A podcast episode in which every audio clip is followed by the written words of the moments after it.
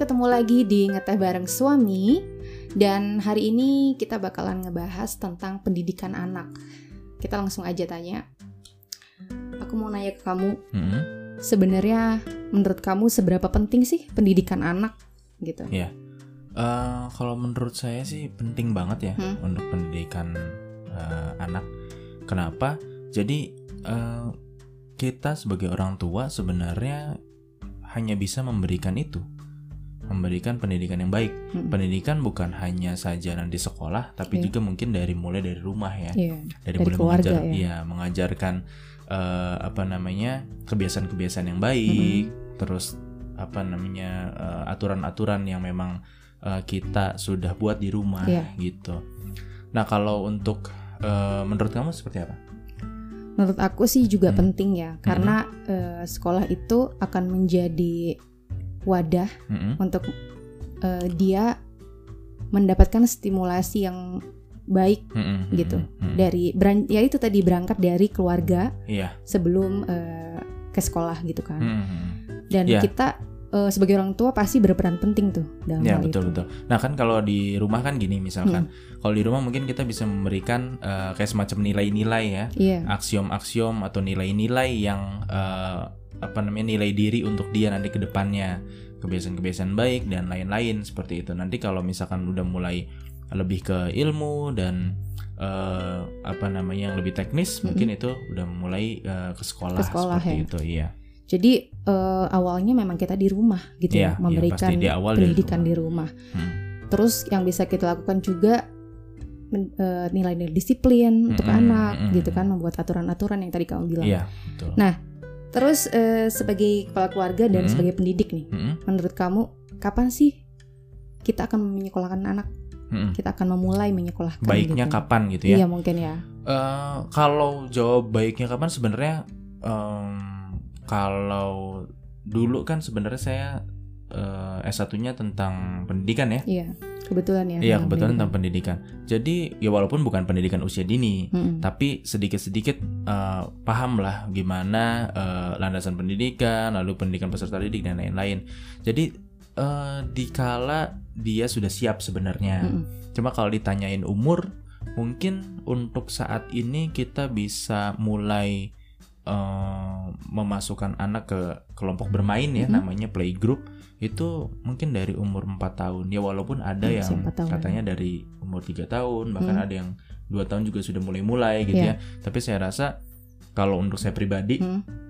untuk nanti di anak kita gitu ya, Hmm. untuk di keluarga kita kayaknya cukup mulai dari empat tahun deh untuk 1 sampai 3 tahun itu sama kita aja Iya. gitu.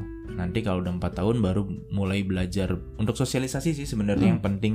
Kalau kita bisa mengajarkan di rumah eh, sebenarnya nggak ada masalah diajarin sama orang tua juga cuma untuk sosialisasi ketemu teman-teman seumurannya ya pasti harus mungkin lebih gampang kalau di kelompok bermain gitu. Iya. dan ternyata beberapa psikolog juga Mm-mm. sepakat mas aku Mm-mm. eh, lihat beberapa psikolog bicara tentang eh, mulainya kapan sih menyekolahkan anak Mm-mm. gitu sebaiknya memang itu adalah berangkat dari kebutuhan Mm-mm. Jadi kita harus eh, tahu betul anak kita seperti apa Iya. dan eh, kapan butuh untuk menjalankan sekolah tadi. Iya. Dan usia yang disarankan memang rata-rata 4 tahunan ya, Mm-mm, mm-mm. yang sesuai kamu tadi bilang. Iya. Jadi 4 tahun itu dianggap dia sudah siap untuk menerima teman-teman baru Mm-mm. dan bisa mampu juga untuk bersosialisasi Mm-mm. gitu. Berarti kamu setuju ya Iya, iya. Usia Iya. 4 tahun Eh, mulainya? ya sekitar empat tahun lah soalnya kan eh, apa namanya nanti kan kelompok bermain dulu terus nanti ada TKA TKB Hmm. gitu kan baru SD gitu ya Iya. ya kalau sekarang seperti itu kan kalau zaman kita dulu kan ya TK aja setahun Langsung terus TK SD ya, TK, eh, TKB gitu. seperti itu Eh, pertanyaan selanjutnya nih, Mm-mm. bagaimana kita memilih sekolah untuk anak? Menurut kamu gimana? ini hal yang penting banget ya Hmm. sebenarnya kalau menurut saya sangat penting karena eh, sebagian eh, orang-orang terdahulu atau mungkin eh, yang seumuran kita juga masih ada yang Mm-mm. berpikir gini sekolah yang deket aja deh yang di belakang rumah atau yang di depan rumah atau yang di sebelah rumah gitu Termasuk aku juga dulu gitu. Iya, jadi eh, dalam so- soal kedekatannya sih nggak masalah sih. Hmm. mungkin nganggapnya biar gampang Mm-mm, gitu ya. Lebih aman juga terus lebih deket. aman terpantau dan lain-lain. Hmm, tapi kan kita juga harus eh, melihat juga kualitasnya. Iya. Kualitas sekolahnya seperti apa. Kalau misalkan ada teman-teman juga yang bilang bahwa em, sekolah sama aja kok di mana aja nggak ada Hmm. masalah. Oh nggak. Ya saya nggak sependapat. Hmm, karena menurut saya setiap sekolah ya pasti beda-beda. Karena pendidiknya juga beda-beda, gurunya juga beda-beda. Bahkan kalau misalkan kita berbicaranya sekolah yang misalkan bukan negeri ya. Hmm. Eh, kalau sekolah yang bukan negeri pasti ada standarnya nih, ada ada standar nasional, standar internasional dan lain-lain gitu. hmm, Bahkan mereka juga ada kurikulum-kurikulum yang berbeda gitu. Ya walaupun eh, di negeri juga mungkin sekolah negeri juga mungkin tetap berbeda. SDA dan SDB itu pasti beda. ada perbedaan Mm-mm, ada perbedaannya.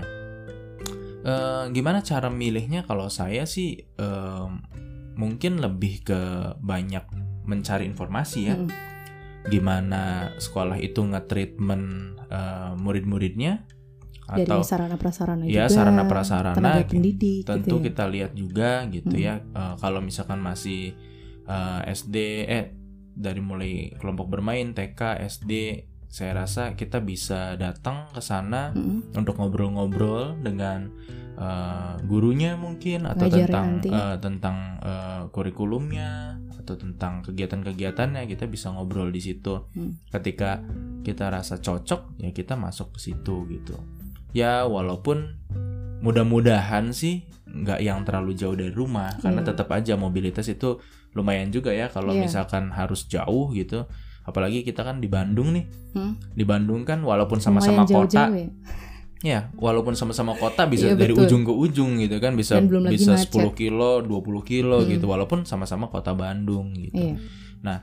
itu sih yang paling penting kalau menurut saya jadi eh kual Memilih yang terbaik ya. ya memilih yang terbaik aja jangan yang terdekat kalau yang terdekat yang terbaik nggak masalah Hmm. kalau misalkan eh, ini emang sekolahnya Kebetulan, bagus per- deket. sarana prasaranya Hmm. bagus dan kebetulan deket ya Ya, nggak masalah gitu. iya Hmm. tapi jangan sampai eh, dekat rumah itu jadi pilihan yang utama Hmm. gitu seperti itu mungkin Jadi intinya eh, memilih sekolah yang terbaik yang kita mampu ya. iya ah, iya dengan ini juga disesuaikan juga mungkin dengan Dan finansial ya kemampuan, dan iya, kemampuan finansial kita. Eh, kan banyak juga yang ah enggak ah sekolah biasa-biasa aja Hmm. saya juga dulu sekolah biasa-biasa aja toh bisa gitu nggak Iya. masalah ya nggak masalah kalau yang dulu udah aja nggak apa-apa yang dulu tapi kalau saya sih saya pribadi pengennya memberikan ke anak yang terbaik gitu Iya. yang bisa kita kasih Hmm. Eh, kalau bukan yang nggak bisa kita kasih juga Iya. kan nggak mungkin juga kita Sesuai nyokolahin kemampuan kita lah ya. eh, iya nyokolahin yang ratusan juta gitu untuk Hmm. sekedar sekolah TK kan enggak juga Hmm.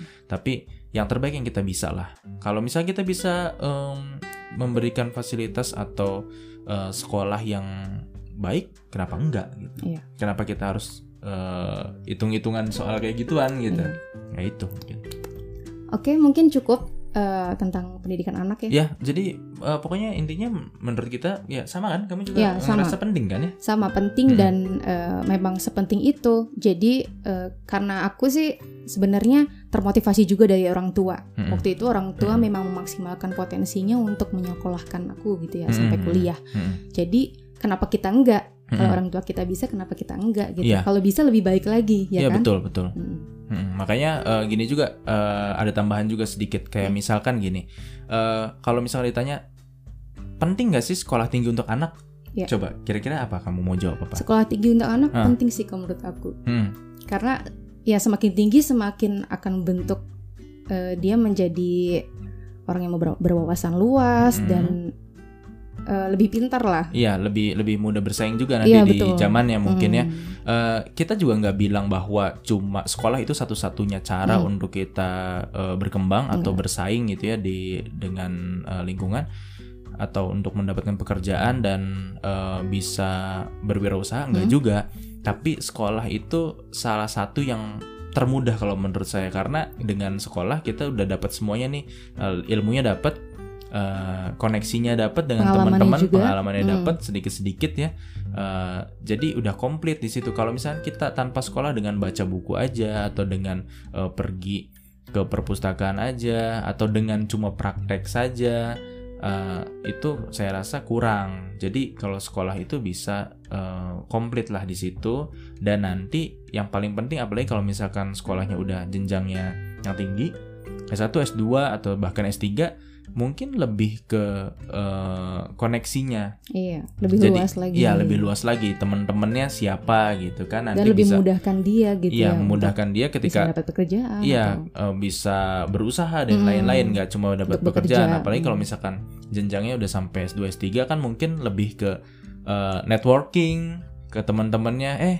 eh, gue punya usaha ini. Oh iya, kebetulan eh, di kantor gue butuh ini jadi vendor akhirnya bisa jadi seperti itu atau hal-hal yang lain lah sebenarnya. Eh, banyak jadi juga mendapat keuntungan ya Iya, dari jadi relasi yang eh, banyak. nggak ada salahnya kok kalau misalkan memang kita punya dananya Mm-mm. dan memang eh, kita Anaknya mau juga. mau iya Mm. anaknya mau ya nggak masalah sekolah itu nggak ada ruginya kok gitu toh nanti juga pasti ada ada manfaatnya apalagi kalau misalkan eh, sekolah-sekolahnya di eh, tempat yang fasilitasnya baik dengan eh, sarana prasarana baik dengan eh, pengajar-pengajar yang baik dengan kurikulum yang baik itu pasti akan sangat menunjang sih untuk kehidupan bahkan gitu Oke, mudah-mudahan eh, topik kali ini bermanfaat. Iya.